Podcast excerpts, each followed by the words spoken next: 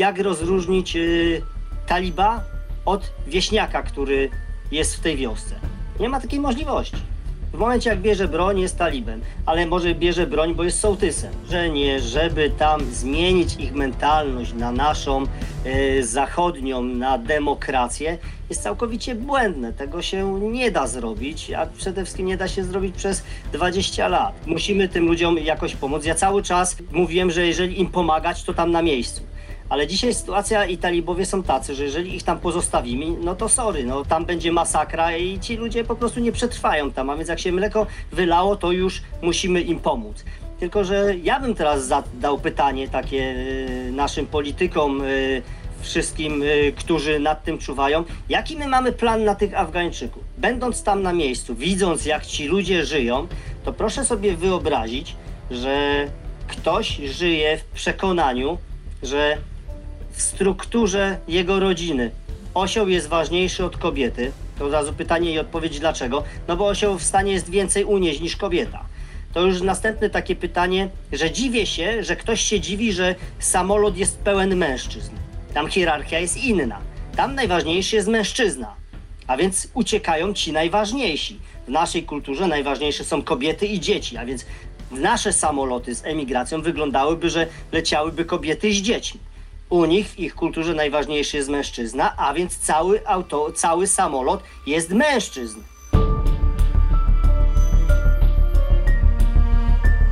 Witam Cię w podcaście Niepoprawny Dyplomata. Ja jestem Mikołaj Wąski-Teperek, a ten podcast jest o tematyce dyplomacji, stosunków międzynarodowych z naciskiem na kulturę oraz politykę Stanów Zjednoczonych. Mam nadzieję, że wspólnie dowiemy się czegoś ciekawego oraz nowego. Zapraszam do odsłuchu.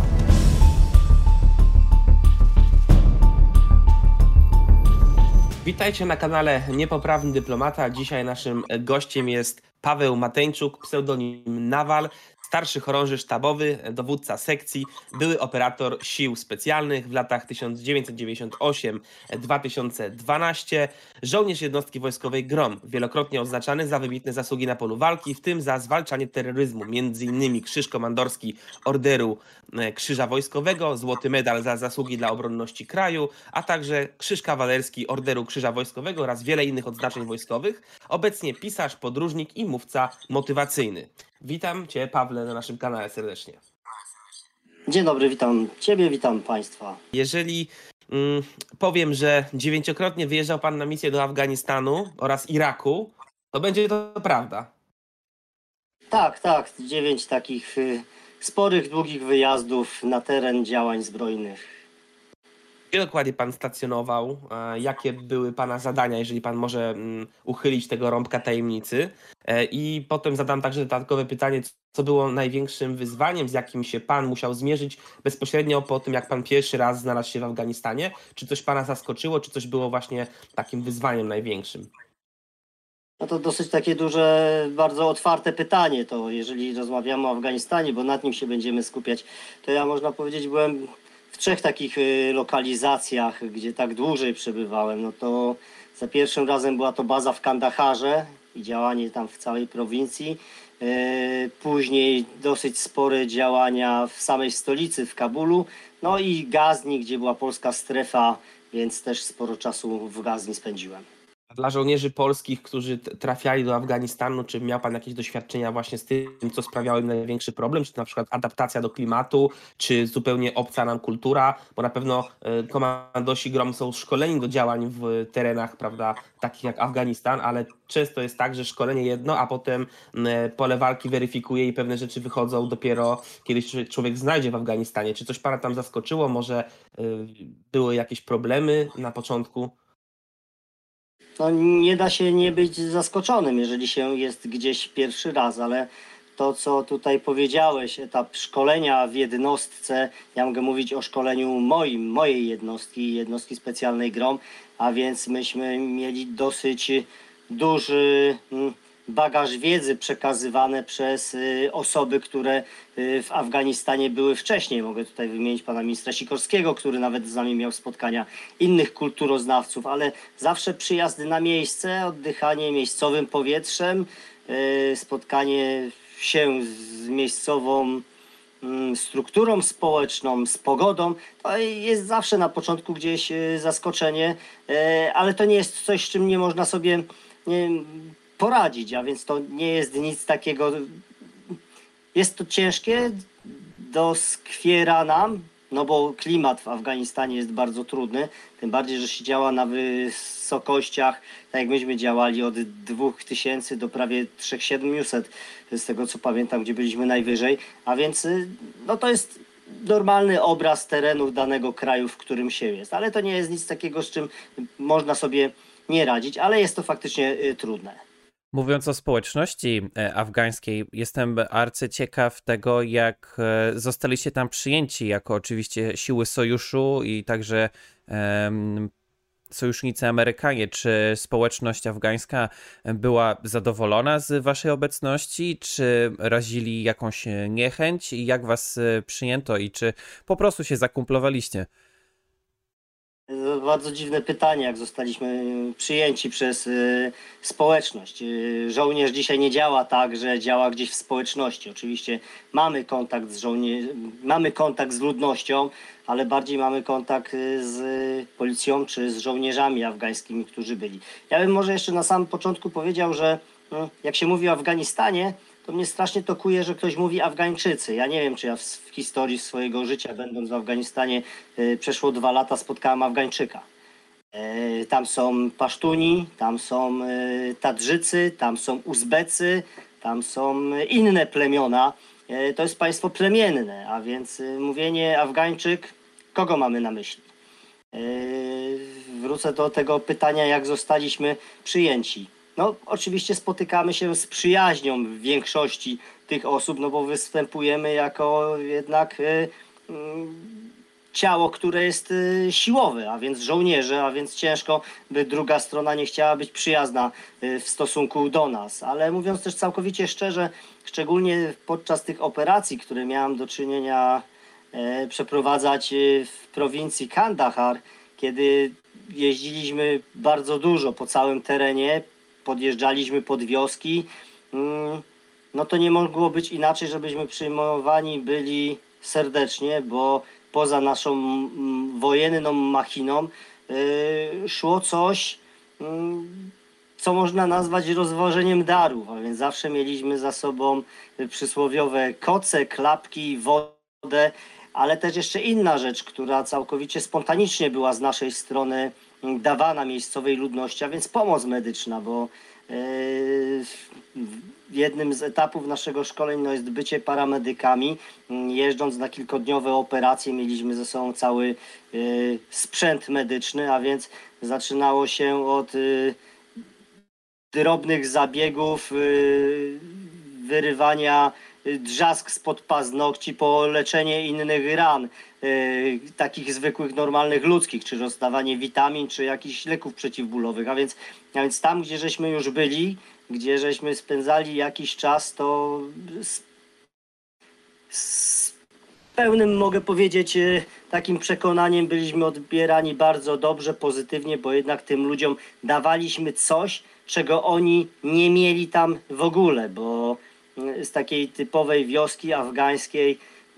Nie wierzę, żeby kiedykolwiek ktokolwiek pojechał do szpitala, do Kandaharu czy do Kabulu. Tam to tak nie funkcjonuje.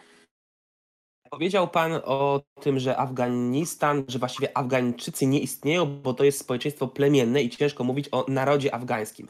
No i właśnie do tego się chciałem teraz odnieść z kolejnym pytaniem, bo prezydent Joe Biden w pierwszym swoim orędziu do narodu po tym całym blamarzu w Afganistanie stwierdził, że celem amerykańskiej operacji w tym kraju było e, zwalczanie Al-Kaidy oraz zagwarantowanie, że Afganistan przestanie być bezpieczną oazą dla terrorystów, a nie było celem budowanie e, narodu afgańskiego Afgańczykom, za nich, budowanie afgańskiego narodu, e, tożsamości narodowej. Czy też pan ma takie mm, tutaj przemyślenia, że faktycznie nie, nie było tam e, elementu w całej tej operacji, który by zakładał, że musimy zbudować w Afganistanie naród? Czy była to naprawdę tylko misja związana ze zwalczaniem stricte terroryzmu, czy może jednak, tak jak mówiły poprzednie amerykańskie administracje, chodziło także o zbudowanie pewnej państwowości, e, struktur demokratycznych, Bo przecież ciężko było nie odnieść takiego wrażenia, że siły koalicji NATO e, oprócz walk to mają także misję stabilizacyjną i próbują zaszczepić te nasze wartości cywilizacji zachodniej w Afganistanie i tą ich tożsamość narodową jakoś wykreować. Yy, Jak ktoś lubi historię, to może sobie przeczytać, jak się kształtowało, jak się kształtowało, mm, to, jak się kształtowała tożsamość narodowa u nas w Europie. E, I ta tożsamość y, narodowa to jest y, połowa XVIII-XIX wieku, prawda? E, A ja bym Afganistan oddalił jeszcze i powiedział, że Afganistan taki na prowincji to jest XVI-XVII wiek, a więc na pewno nie dało się tego zrobić w Afganistanie przez y, 20 lat. A dlaczego tak bardzo o tym mówię? Dlatego, że Afganistan, nie wiem, gdzieś statystyki mówią, że około 60% y, społeczeństwa mieszka w wioskach. Te wioski są pozbawione jakiejkolwiek elektryczności. E, Są tam jakieś tam radyjka, które też rozwoziliśmy, można było słuchać jakiejś wiadomości. Jak budować tożsamość narodową w plemionach, które żyją y, w XVII-XVI wieku, gdy do nich się nie dociera. Nie ma takiej możliwości, żeby to budować. I to oczywiście mogą mówić sobie politycy, przekrzykując się albo teraz się usprawiedliwiając jednymi i drugimi działaniami. I ja naprawdę sporo czasu, tak jak już przedstawiłem się, spędziłem w tym Afganistanie i mówię całkowicie szczerze, żeby budować mm, tożsamość narodową, taką afgańską, trzeba jakoś do tych ludzi dotrzeć. A tam nie ma możliwości, nie ma struktur, żeby móc dotrzeć do wiosek, które żyją sobie jak nasze wioski w średniowieczu, poupychane y, w górach. Y, No to są wioski takie, do których docieramy i oni nie wiedzą, że się skończyła wojna y, z Rosją. A więc y, jak mówić o tym, że tam się pojawili Amerykanie, jak oni nawet o tym nie wiedzą. Czy w związku z tym, e, jak pan ogląda to, co się dzieje w Afganistanie, te obrazki, bo mówi się, że Amerykanie wygrali wojnę w Afganistanie, ale przegrali pokój w Afganistanie. E, To pierwsze moje pytanie teraz jest takie, czy ten pokój w ogóle można było wygrać, skoro tak jak pan mówi, ci e, mieszkańcy Afganistanu nie mieli tej tożsamości narodowej, nie rozumieli skąd Amerykanie przychodzą często i po co, e, nie mieli dostępu do informacji, szczególnie na tej głębokiej prowincji, to w związku z tym, co można było zrobić, aby uniknąć tego blamażu, który obserwujemy teraz, bo przecież na pewno jako weteran wielokrotny operacji w Afganistanie, tak samo jak pana koledzy chociażby z Navy Seals, którzy się wypowiadali na łamach amerykańskich mediów, sugeruję, że wnoszę, że czuje pan jakieś, jakąś frustrację, że cały ten wysiłek poszedł na marne. 20 lat e, operacji wojskowej, prawie 3000 zabitych Amerykanów, ponad 40 Polaków nie, e, zginęło przecież w Afganistanie, nie, nie licząc już tych, którzy odnieśli rany fizyczne, a jeszcze więcej psychiczne, e, psychicznych ran, które, które są trudniejsze do zauważenia przecież, a, a równie trudne do leczenia, nawet może trudniejsze niż rany fizyczne. Czy ma pan wrażenie, że to wszystko poszło, mówiąc kolokwialnie, jak krew w piach? Może zacznę od tego, że czy jestem sfrustrowany. Ja tu mam wiele sprzeczności w stosunku co do Afganistanu. Bo jako człowiek jestem sfrustrowany, ale jako żołnierz nie powinienem być, bo wykonywałem tam działania bojowe, bo do tego byłem szkolony i po to tam wyjechałem. E, za dużo pytań pan troszeczkę zadał. E, co można byłoby zrobić? Albo inaczej, to pierwsze pytanie, e, czy można było zrobić jakieś to społeczeństwo afgańskie, jeżeli oni o tym nie wiedzą? Ja bym zaczął od tego zapytania i od razu odpowiedzi, kim są e, talibowie. Talibowie to jedno z największych plemień, to są pasztunowie. To są przede wszystkim talibowie, a więc e, jakby to przerzucić, e, żeby tam był pokój, to powinniśmy zlikwidować wszystkich, czy uwięzić, czy zlikwidować siłę fizyczną przeciwnika, czyli wszystkich pasztunów, tak? A więc, nie wiem, parę milionów ludzi likwidować, no bo oni tak żyją. To jest ich struktura, to jest ich społeczeństwo. A więc ja się zawsze pytałem, e, jak rozróżnić e, taliba od wieśniaka, który jest w tej wiosce. Nie ma takiej możliwości. W momencie jak bierze broń jest talibem, ale może bierze broń, bo jest sołtysem. Więc y, wioska jest pasztuńska, więc y, wszyscy praktycznie są tam talibami, a więc z kim walczyć? Jak w dzień są przyjaźni, a walczą z tobą w nocy. Prawda? To jest y, taki, taki młyn nie do odpowiedzenia sobie. A więc y, to chcemy narzucić, jak oni mają taki styl bycia, taką kulturę. Z tym nie wygramy, bo walczymy z całym narodem. Okej? Jest to tak zrozumiałe mniej więcej? Tak, jak najbardziej. Rozumiem, podobne wyzwania, które stały przed naszą koalicją w Afganistanie, to są takie same, jak stały przed e, amerykańskimi żołnierzami w Wietnamie, gdzie też walka z partyzantką często powodowała, że trudno było roz, rozróżnić przyjaciela cywila od kogoś, kto ma e, ukryty kałasznikow i za chwilę będzie nas atakował w nocy. Więc I dokładnie, więc samo założenie, żeby tam zmienić ich mentalność na naszą e, zachodnią, na demokrację, jest całkowicie błędne. Tego się nie da zrobić, a przede wszystkim nie da się zrobić przez 20 lat. E, jeżeli pan mnie pyta, co można było zrobić, żeby uniknąć tego, co jest teraz, to niestety jesteśmy skazani, bylibyśmy albo musielibyśmy być skazani na to, żeby została tam przy tej administracji państwa afgańskiego, które jest, a administracja międzynarodowa z jakimś komponentem wojsk, który dowodzi, przepraszam, który czuwa nad tą 300-tysięczną armią afgańską. Jeżeli tego zabrakło, to dwa tygodnie i goście na osiołkach i motorkach wjechali i byli w stanie zająć cały kraj praktycznie bez walki. No nie mówię już o Dolinie Panchiru, bo tam już inne, inne plemiona są, ktoś inny e, w ogóle walczy z inną mentalnością. A więc e, to musiało zostać, żeby się to wszystko nie rozpadło. E, Ja może wrzucę jeszcze tutaj taki wątek, bo i tam na miejscu, mm, znając troszeczkę tą afgańską mentalność, e, też wielu zależało na tym, żeby się to rozpadło, bo mieli w tym po prostu swój interes. I, i, i tyle. Można popatrzeć na prezydenta Afganistanu, jak się zachował.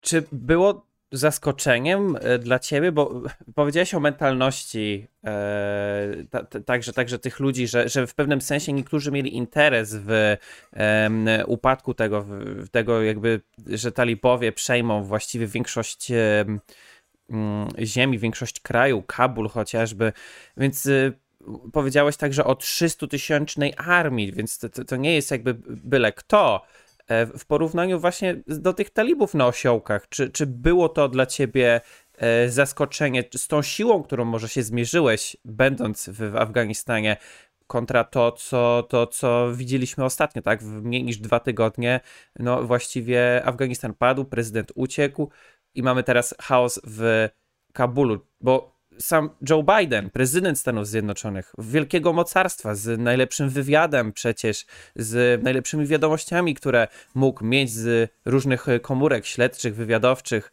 wojskowych, też powiedział, że mm, był w pewnym sensie w szoku i, i nawet sami talibowie powiedzieli, że, że oni też byli zaskoczeni, jak łatwo, jak dobrze im poszło. Czy byłem zaskoczony?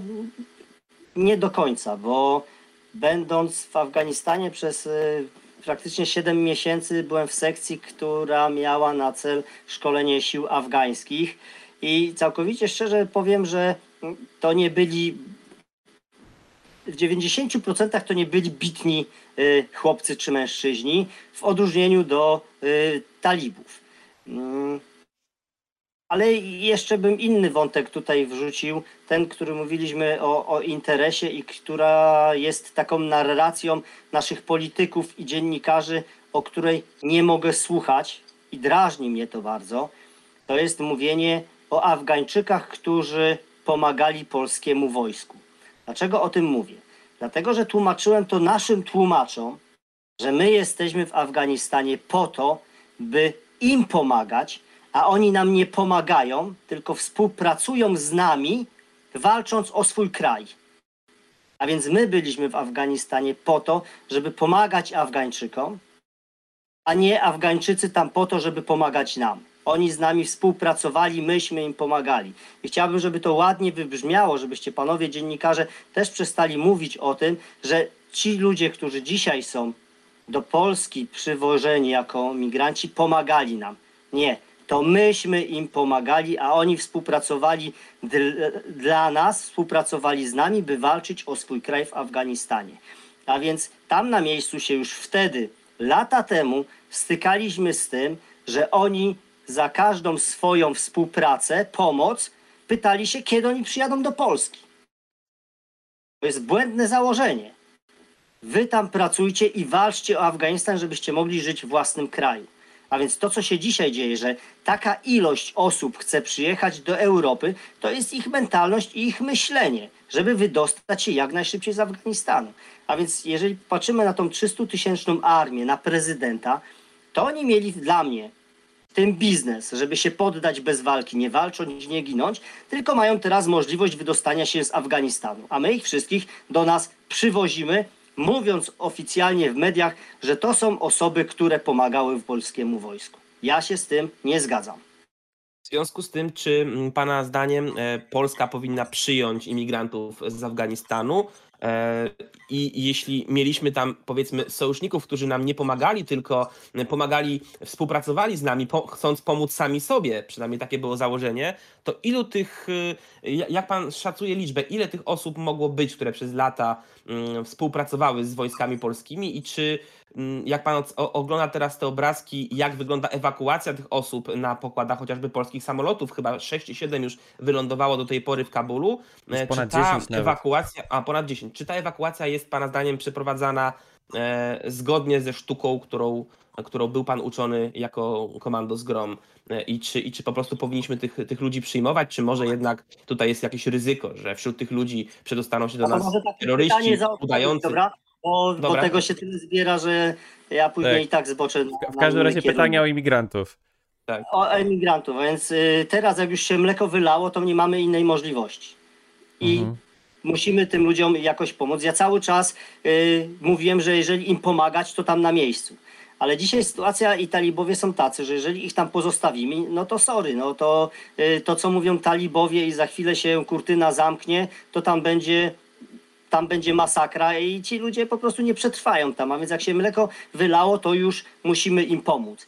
Tylko, że ja bym teraz zadał pytanie takie y, naszym politykom, y, wszystkim, y, którzy nad tym czuwają. Jaki my mamy plan na tych Afgańczyków? Czy oni spotkali się z kulturoznawcami i czy oni zdają sobie sprawę, że dużej części, myślę, że 90% tym Afgańczykom, załóżmy, że już mówimy o jakimś narodzie afgańskim, robimy krzywdę. Będąc tam na miejscu, widząc jak ci ludzie żyją, to proszę sobie wyobrazić, że ktoś żyje w przekonaniu, że w strukturze jego rodziny osioł jest ważniejszy od kobiety. To od razu pytanie i odpowiedź dlaczego. No bo osioł w stanie jest więcej unieść niż kobieta. To już następne takie pytanie, że dziwię się, że ktoś się dziwi, że samolot jest pełen mężczyzn. Tam hierarchia jest inna. Tam najważniejszy jest mężczyzna. A więc uciekają ci najważniejsi. W naszej kulturze najważniejsze są kobiety i dzieci, a więc nasze samoloty z emigracją wyglądałyby, że leciałyby kobiety z dziećmi. U nich w ich kulturze najważniejszy jest mężczyzna, a więc cały, auto, cały samolot jest mężczyzn. A więc nie dziwmy się temu, że wy uciekają ci najważniejsi. Okej, to jest y, pierwsza rzecz. Następna rzecz, jaki mamy pomysł na tych ludziach, to co mówiłem, że żyją sobie, czy w mieście, czy w domu, y, tam hodowla zwierząt, y, styl bycia jest oddzielny od nas. To są wioseczki, to są domki. y, To jest coś, gdzie jesteś na miejscu i wydaje ci się, że jesteś z filmu z przeszłości. I proszę sobie wyobrazić, że ktoś taki, taka rodzina, która żyła całe życie swoje praktycznie na dworze, a do tego pomieszczenia, do tych domów wchodzi tylko się przespać, śpi na legowiskach, dostaje mieszkanie na Bemowie 42 metry. Szaleństwo. Czy wy panowie sobie wyobrażacie, że bierzecie swoją żonę, swoje dziecko i pieska marki York i idziecie mieszkać do Afganistanu na wieś do domku? Wyobrażacie Tak, to to- sobie? Szok kulturowy całkowity, absolutnie. Szok kulturowy. Oni przyjeżdżając do naszego kraju, patrząc na trawę, na liście, na drzewa, oni już są w szoku kulturowym. A więc wpakując ich do mieszkań, to jest dla nich totalny chaos klaustrofobiczny. Ja tak uważam, patrząc na to, jak oni tam mieszkali. I nie mówiąc tylko o tych wsiach, ale też mówiąc o miastach, jak wyglądał Afganistan. Następna rzecz, czy jesteśmy gotów, czy jaki mamy pomysł na to, bo się mówi o asymilacji, mówi się o tym, żeby ich przyzwyczaić czy przygotować do mieszkania u nich. Ja jestem przekonany, że oni są w pełni obsługowi. Proszę, żeby ktoś y, przeprowadził takie badania y, z tej grupy, która przyjechała do Polski, ilu potrafi z nich pisać i czytać, a ilu jest analfabetami? Właśnie, tutaj, tutaj chciałbym zadać takie może pytanie trochę kontrargumentujące, bo dużo się oczywiście słyszy o tym, że przez te ostatnie 20 lat e, wiele osób, przynajmniej z większych miast, czy lepszych prowincji, czy w szczególności z Kabulu, miało szansę na przykład wyjechać na studia za granicę i ewentualnie wrócić e, do Kabulu czy do Afganistanu. I, i trwa taka debata, e, w szczególności na tym Twitterze anglojęzycznym, że, że, że widziałem przynajmniej ja wpisy osobiście właśnie osób, które mówiły wykształciłam się za granicą, e, a potem wróciłam do Kabulu, teraz nie wiem co mam robić, bo nie mam tu przyszłości, w szczególności jako kobieta, oczywiście tym bardziej wykształcona, e, która teraz no, będzie prawdopodobnie zapędzana wcale od pracy, tylko właśnie do, do roli Y, czy służki, czy, czy jakąkolwiek inną rolę w tym y, kulturze, czy wśród talibów może kobieta przecież mieć, czy, czy, czy przypadkiem też nie będzie tam tych osób, które gdzieś tam liznęły tego zachodu, że tak powiem, które no właśnie będą miały prościej z tą asymilacją tutaj osoby wykształcone, czy tak jak mówią niektórzy komentatorzy, którzy mówią przyjmijmy tych imigrantów, to przecież są ręce do pracy. Zgadzam się z tym i to jest tragedia. To jest największa tragedia, że tych osób przez te 20 lat, które wychowały się w dużych miastach Afganistanu, jest sporo, które już mają y, zachodni styl bycia i zachodni styl podejścia do życia. I to jest największa tragedia i o tych ludzi się martwię. Ale znowu bym wrócił, ile, jaki procent ich jest w tych samolotach, które Jasne. widzimy zdjęcia. A więc wyrwać stamtąd te osoby, które dla naszej kultury są. Czy to nie jest trochę też taki hipokryzja, że bierzemy tylko tym, y, którzy się u nas nadają do życia, a zostawiamy tym, którzy się nie nadają, ale nie zgadzają się tam na miejscu y, z życiem talibów, bo jest ktoś, kto jeździ sobie tuktukiem, nie potrafi czytać, pisać, ale ma światopogląd, że kobieta ma prawa, żeby każdy sobie żył i tak dalej. Dobrym jest normalnie człowiekiem i mężczyzną. Tylko, że on przyjeżdżając do nas, e, ciężko mi się patrzy na to, żeby jakąkolwiek mu dać pracę. Mówię to pod tym kątem, że ja szkoliłem tych ludzi. I proszę sobie e, pomyśleć, że ma się do szkolenia osoby, które nie mają umiejętności technicznych, nigdy nie chodziły do przedszkola, e, nie potrafią czytać, nie potrafią pisać. I jest to 30-parolatek, 40-latek. Jak w naszej kulturze ta osoba ma się odnaleźć. Poza tym w tamtej kulturze jest coś takiego jeszcze też, że nie wszystko mężczyznom mm, wypada robić. To koniec kropka, a więc on nie pójdzie, nie będzie zamiatał ulic, nie będzie robił prostych rzeczy, które robią się, bo on jest dumnym kimś tam ze swojego plemienia. Prawda? Więc mówię naprawdę dwie strony. Jest część osób, które naprawdę jest to dla nich tragedia, bo żyły już w mieście, w cywilizowanych miastach, w miarę, tak jak patrz się y, na Kabul, który też się rozwijał, ale też jest mnóstwo osób, które nie pasują i naprawdę, uwierzcie mi, oni z czasem sami dojdą do wniosku, że to, że przyjechali do, do Europy, im się zrobiło krzywdę. Okej. Okay. Czyli ty, Pawle, pytasz właściwie rządu, nie tylko polskiego, czy Unii Europejskiej, czy właściwie każdego, który teraz zabiera imigrantów, o plan. Jaki jest plan? Jak, jak pomóc z asymilacją tych ludzi, czy, czy z wykształceniem ewentualnym do życia w społeczeństwie zachodnim.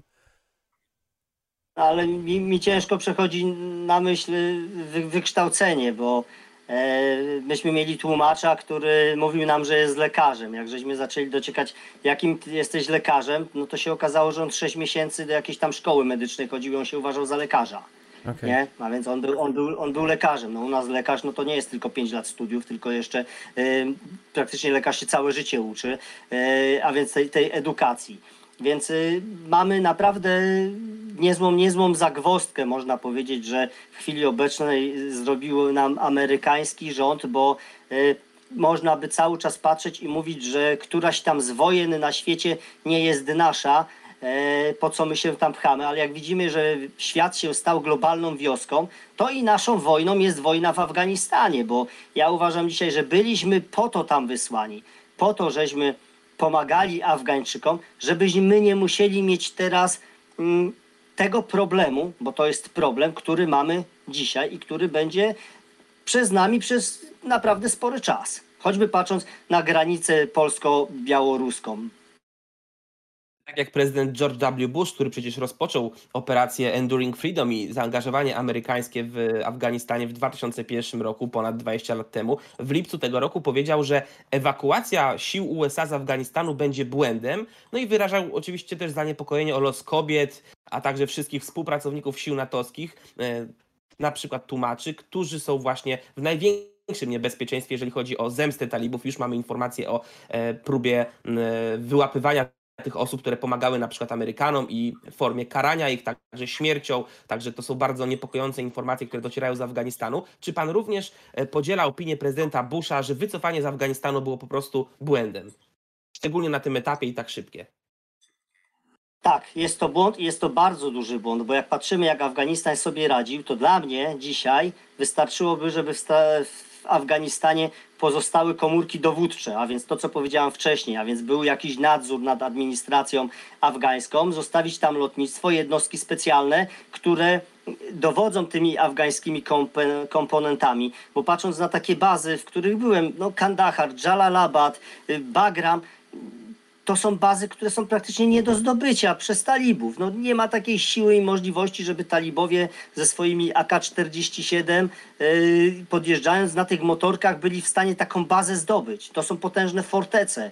Przewaga technologiczna, która, która była. Yy, no dzisiaj bezzałogowce, w- optyka, której talibowie, nie wiem, 1% mają, mieli nie do zdobycia i to by tam trwało i funkcjonowało bez przejścia na jedną stronę czy na drugą stronę. A więc cały czas tak by się tam działo i funkcjonowałoby to jeszcze przez wiele, wiele lat, może przez 20, może przez 30.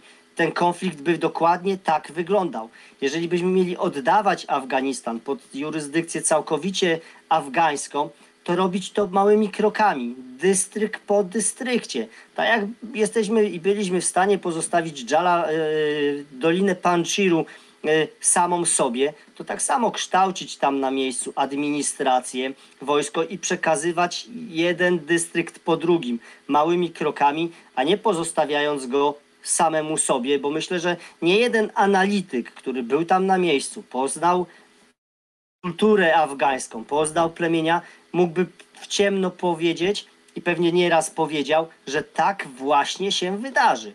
Że duża część Afgańczyków też miała w tym biznes, żeby zostawić to wszystko i móc teraz wsiąść w samolot, bo oczywiście my mamy to poczucie niesienia pomocy humanitarnej i wyjechać stamtąd do Europy, bo Europa czy nasza cywilizacja zachodnia dla nich wiąże się z tym, że tu się po prostu dobrze żyje, nie myśląc o tym, że żeby się dobrze żyć, trzeba pracować. Nawal, powiedziałeś e, tutaj o sprzęcie, że, że ten sprzęt wśród talibów e, no, nie jest e, jakiś ultra nowoczesny i zastanawiam się, bo dochodzą nas słuchy o wielkim, gigantycznym zasobie amerykańskiego sprzętu, który został właściwie porzucony w pewnym sensie i trafił do e, rąk talibów. Nowoczesny sprzęt e, od samochodów po e, różnego rodzaju noktowizory i, bardziej e, nowoczesne rzeczy. E, Czy e, martwi Ciebie to, że ten sprzęt w rękach talibów e, no, może być potencjalnie dalej e, oczywiście wykorzystywany nie tylko e, na terenie Afganistanu, ale też e, w jakichś e, e, akcjach e, przeciwko Zachodowi? Martwi mnie to i bardzo, i mówię to całkowicie szczerze, bo martwi mnie to, że ktoś kiedyś wymyśli, żeby tam wrócić i odbić y, Afganistan. Miałem. Żołnierz musi mieć szczęście, a więc mój czas walki w Afganistanie był taki, że często patrzyliśmy na talibów jak na średniowiecznych y, y, żołnierzy, z którymi walczymy, bo nasza przewaga technologiczna była z nimi, nad nimi bardzo prosta.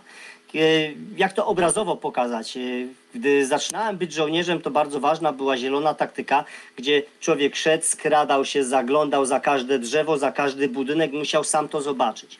E, Ostatnie moje patrole, które były w Afganistanie, to nad nami był bezzałogowiec, czy latał predator i on skanował teren kilometrze w promieniu wokół nas i widzieliśmy, że po prostu nikogo nie ma i zamiast iść skradając się w ciemną noc, mogliśmy normalnie marszem ubezpieczonym sobie spokojnie iść, nie przyglądając się wszystkiemu dookoła, bo po prostu termowizja, noktowizja nam na to pomagała.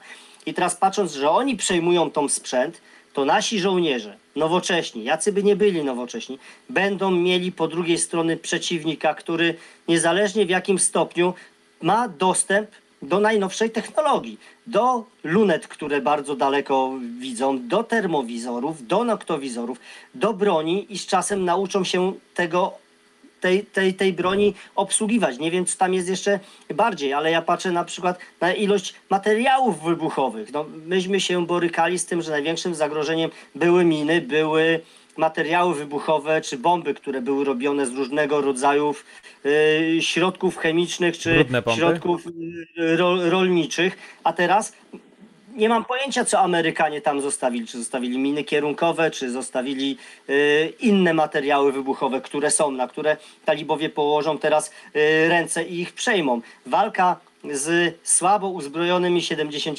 tysiącami talibów, którzy się rozeszli po górach, a walka teraz z tymi samymi 70 tysiącami, którzy mają opór broni i amunicji, No właśnie. no to będzie, to będzie ciekawe i chyba tyle w tym temacie. Sami sobie dopowiedzcie, y, co pod względem takim wojskowym y, się stało i jaki będą mieli przyszli żołnierze, jeżeli kiedyś ktoś wpadnie znowu na pomysł, żeby wjeżdżać do Afganistanu. Jak się mnie pan zapyta, czy wpadnie na ten pomysł, Amerykanie zrobili jeden z największych błędów historycznych, zostawiając Afganistan samemu sobie po wojnie y, Afganistanu z Rosją. Całkowicie y, bezpański kawałek y, ziemi na świecie.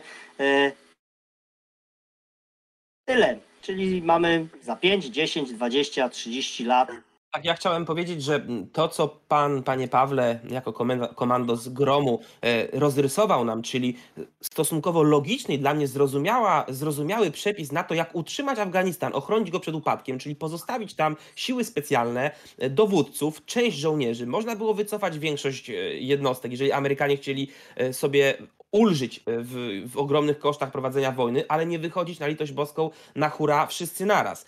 E, I w tym kontekście bardzo mnie intryguje to, co powiedział prezydent Joe Biden. On się zarzekał w różnych wystąpieniach publicznych, że zarówno amerykański wywiad, jak i generałowie Stanów Zjednoczonych nie ostrzegali go przed e, tym szybkim, że, że przed szybkim wycofywaniem się z Afganistanu.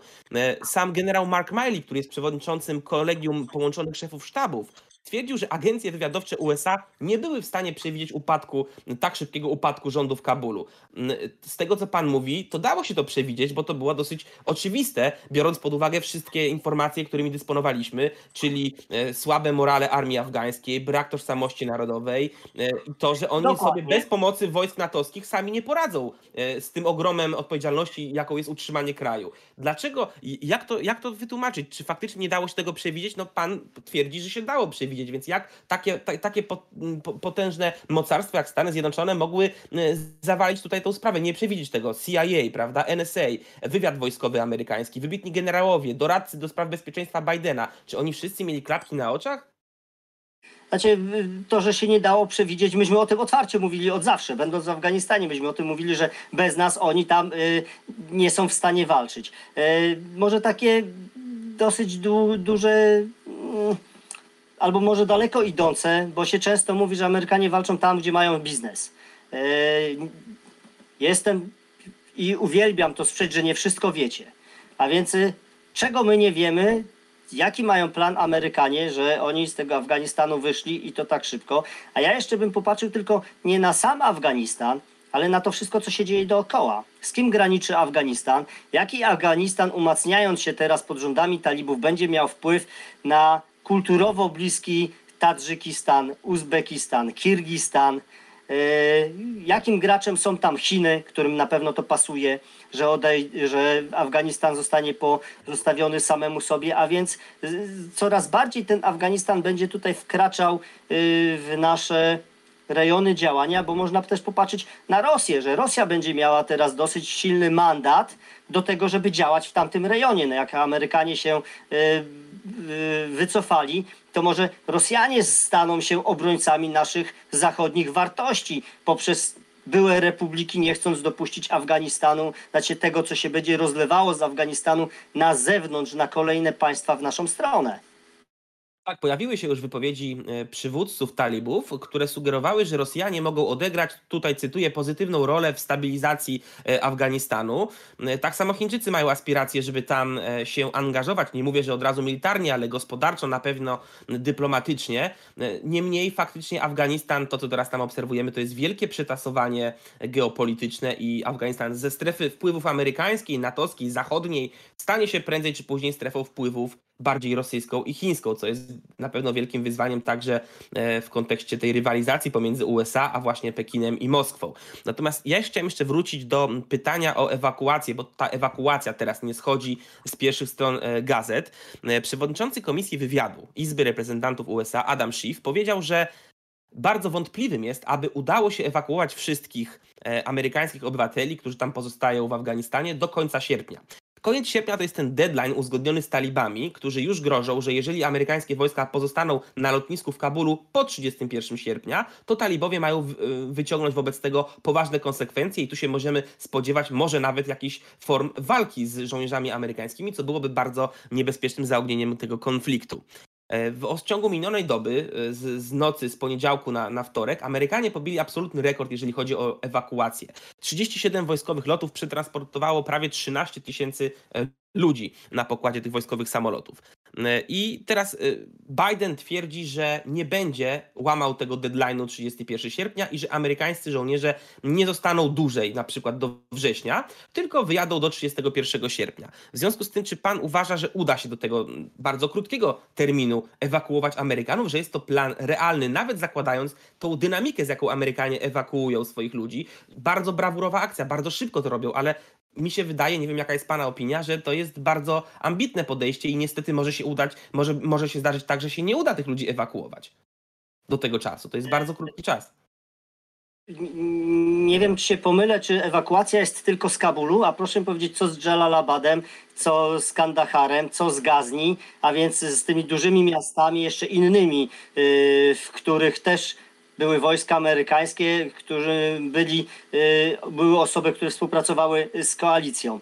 Yy, Ja bym jeszcze jeden wątek dał. Po tym, co się teraz dzieje, yy, po tym jak Amerykanie stracili w oczach może nie tylko a chyba nawet całego świata tą swoją y, taką y, sumienność, to proszę mi powiedzieć, kto będzie chciał w przyszłości y, współpracować z koalicją, całą koalicją, z Zachodem, jeżeli wejdziemy kiedykolwiek jeszcze do Afganistanu.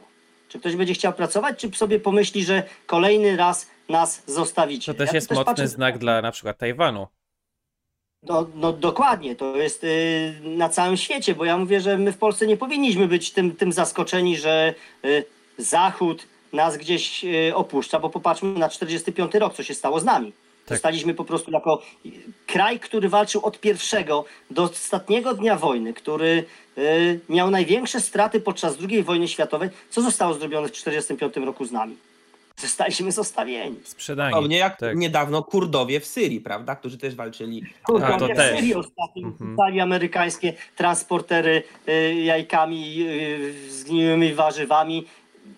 No tak, no więc y, to też taka powinna być lekcja, nauk, taka lekcja dla nas i przypomnienie nam, że jeżeli mówimy o bezpieczeństwie naszego kraju, to musimy sami go sobie budować, nie licząc za bardzo na podpisane sojusze. Mówię tu całkowicie, całkowicie poważnie, że powinniśmy myśleć o swoim bezpieczeństwie jako my, a nie jako sojusze, bo sojusze są, sojuszy nie ma, ktoś się wycofa, ktoś ma inny interes.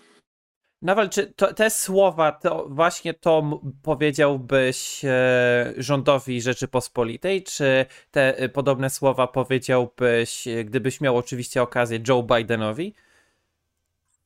Jak najbardziej tak, no bo to pokazuje historia, to pokazuje to, co się dzieje w obecnej chwili. No to nie jest fanaberia, tylko to się dzieje. Patrząc na historię, patrząc y, jak ona się działa, przecież y, patrząc na podpisanie konwencji budapesztańskiej, czy jak ona się tam zwała w stos- y, tak, Buda, y, z Budapesztu, na to, co się wydarzyło w, z Ukrainy. Przecież y, Krym, czy jest, czy nie był ukraiński, ale już nie jest w ich granicach, prawda? A Ukraina oddała cały swój arsenał nuklearny. Zostały Stawiając za zniszczone. gwarancję bezpieczeństwa nienar- nienaruszalności granic, prawda? Które to gwarancje na nich się zdały. Więc, więc y, no, czego oczekujecie więcej, no? Czyli podsumowując, podstawowe zasady, takie oczywiście nieumowne e, dyplomacji. Umiesz liczyć, licz na siebie, albo niegdyś e, Imperium e, Brytyjskie nie ma przyjaciół, ma tylko wspólne interesy. No jeżeli oni sami tak o sobie mówią, Tak kiedyś mówili, każde tak. państwo ma jakieś takie przylepki historyczne, a więc y, trzeba na nie patrzeć, bo one się ugruntowują i się ciężko pomyśleć, że się zmieniają. Ja mam jeszcze pytanie, m, które by nawiązywało do tego, o czym powiedziałeś, Pawle. m, Czy Amerykanie ewakuują swoich obywateli także z innych wielkich miast w Afganistanie, nie tylko z Kabulu? No właśnie, problem jest w tym, że oni nawet mają problem z misjami ratunkowymi w samym e, Kabulu i ograniczają się tylko do operacji wokół lotniska. Sekretarz obrony USA e, Lloyd Austin powiedział, że Stany Zjednoczone nie są w stanie przeprowadzać akcji ratunkowych w Kabulu i operować poza tym lotniskiem i to pomimo tego, że wysłali tam około 7 tysięcy żołnierzy. W tym samym czasie mieliśmy informację, że około 750 żołnierzy wojsk brytyjskich, głównie e, komandosi SAS, przeprowadzali brawurowe rajdy w Kabulu, e, które miały na celu ratowanie, wyciąganie obywateli brytyjskich uwięzionych w różnych rejonach miasta i transportowanie ich na teren lotniska. E, Dlaczego Amerykanie, pomimo tak dużej obecności w Kabulu obecnie na, na lotnisku, nie byli w stanie przeprowadzać tych akcji i twierdzili, mówili swoim obywatelom, musicie sami się dostać na lotnisko, bo my wam nie możemy zagwarantować bezpiecznego e, transportu na teren lotniska. E, To jest dla mnie kolejna rzecz, która mnie totalnie zaskakuje, której jako cywil nie jestem w stanie sobie wytłumaczyć. Dlaczego SAS jest w stanie robić takie operacje, a na przykład dlaczego teraz Amerykanie tego nie robią? Co Navy Seals n- nie dostał takich rozkazów od Bidena, bo nie wierzę w to, że Amerykanie nie mają ludzi, którzy by byli w stanie to przeprowadzić, bo Navy Seals mm, to są e, elitarne jednostki sił specjalnych, także na pewno jest komu e, te akcje przeprowadzać. Zabrakło woli politycznej, pana zdaniem? Czy, czy o co tu może chodzić? Ja, ja bym popatrzył na, ten, na, na to inaczej, popatrzyłbym na to inaczej. Yy, nad, czy Amerykanom zależało, co mieli do wyciągnięcia, bo popatrzmy na to inaczej, że na przykład wywiad yy, brytyjski całkowicie jest zaskoczony tą sytuacją i ma dokumenty, ma ludzi, którzy mają wiedzę i trzeba ich wyciągnąć stamtąd, bo jest ważny interes narodowy. Możliwe, że Amerykanie już wcześniej y, wyciągnęli dokumenty, mają ludzi, którzy mają małą wiedzę, a więc oni zostali wcześniej ewakuowani i zostali im zwykli współpracownicy, którzy nie mają wiedzy, z których talibowie nic nie wyciągną. Możliwe, że Brytyjczycy tego nie zrobili i dlatego są w stanie poświęcić życie, zdrowie swoich obywateli, bo interes Wielkiej Brytanii ucierpiałby na to, że ktoś wpadłby w ręce talibów, że dokumenty jakieś wpadłyby w ręce talibów. Więc ja patrzę pod tym względem na e, Tak. takie operacje, a nie na możliwości. Bo ja jestem w 100% przekonany, że nie tylko e, Navy Seals, ale Delta Force jest w stanie wejść w każde miejsce w Kabulu, wyciągnąć e, osoby, zabrać materiały, czy zniszczyć je i po prostu stamtąd odejść dosyć bezpiecznie. Więc raczej bym patrzył na to, że Amerykanie Zrobili to jeszcze w chwili, kiedy były na to siły i środki lądowe, a Brytyjczycy, będąc tym zaskoczeni, muszą teraz to robić po prostu, bo Tak. wcześniej tego nie zrobili. To prawda, bo Francuzi biegli ze swoimi służbami z powrotem do ambasady. Jeszcze załatwiać Ale mówi się sprawy. cały czas o tym, że pozostają w Afganistanie uwięzieni obywatele USA, a niektóre szacunki wskazują nawet, że y, nie wszystkich się uda ewakuować, że może tam pozostać na przykład kilkuset obywateli USA. Już abstrahując od tego, że nie uda się wyciągnąć y, ludzi, którzy współpracowali z Amerykanami. Tak jak pan powiedział, możliwe, że Amerykanie te najważniejsze osoby już wcześniej ewakuowały, że tam nie ma ryzyka dla interesu bezpieczeństwa USA. Natomiast jeżeli chodzi o obywateli amerykańskich, to, to jest zupełnie inna sytuacja. Tutaj powinni moim zdaniem no, ratować swoich obywateli, tak jak robią Brytyjczycy. I jestem bardzo zdziwiony, że, że, tego, że tego w takim stopniu nie robią. Szczególnie, że mamy informację, że talibowie wbrew tym swoim obietnicom już blokują Yy, dostęp tak, do ale- lotniska w Afganistanie. W Ale Kabulu. też jest coś takiego jak, jak przeprowadzenie takiej operacji.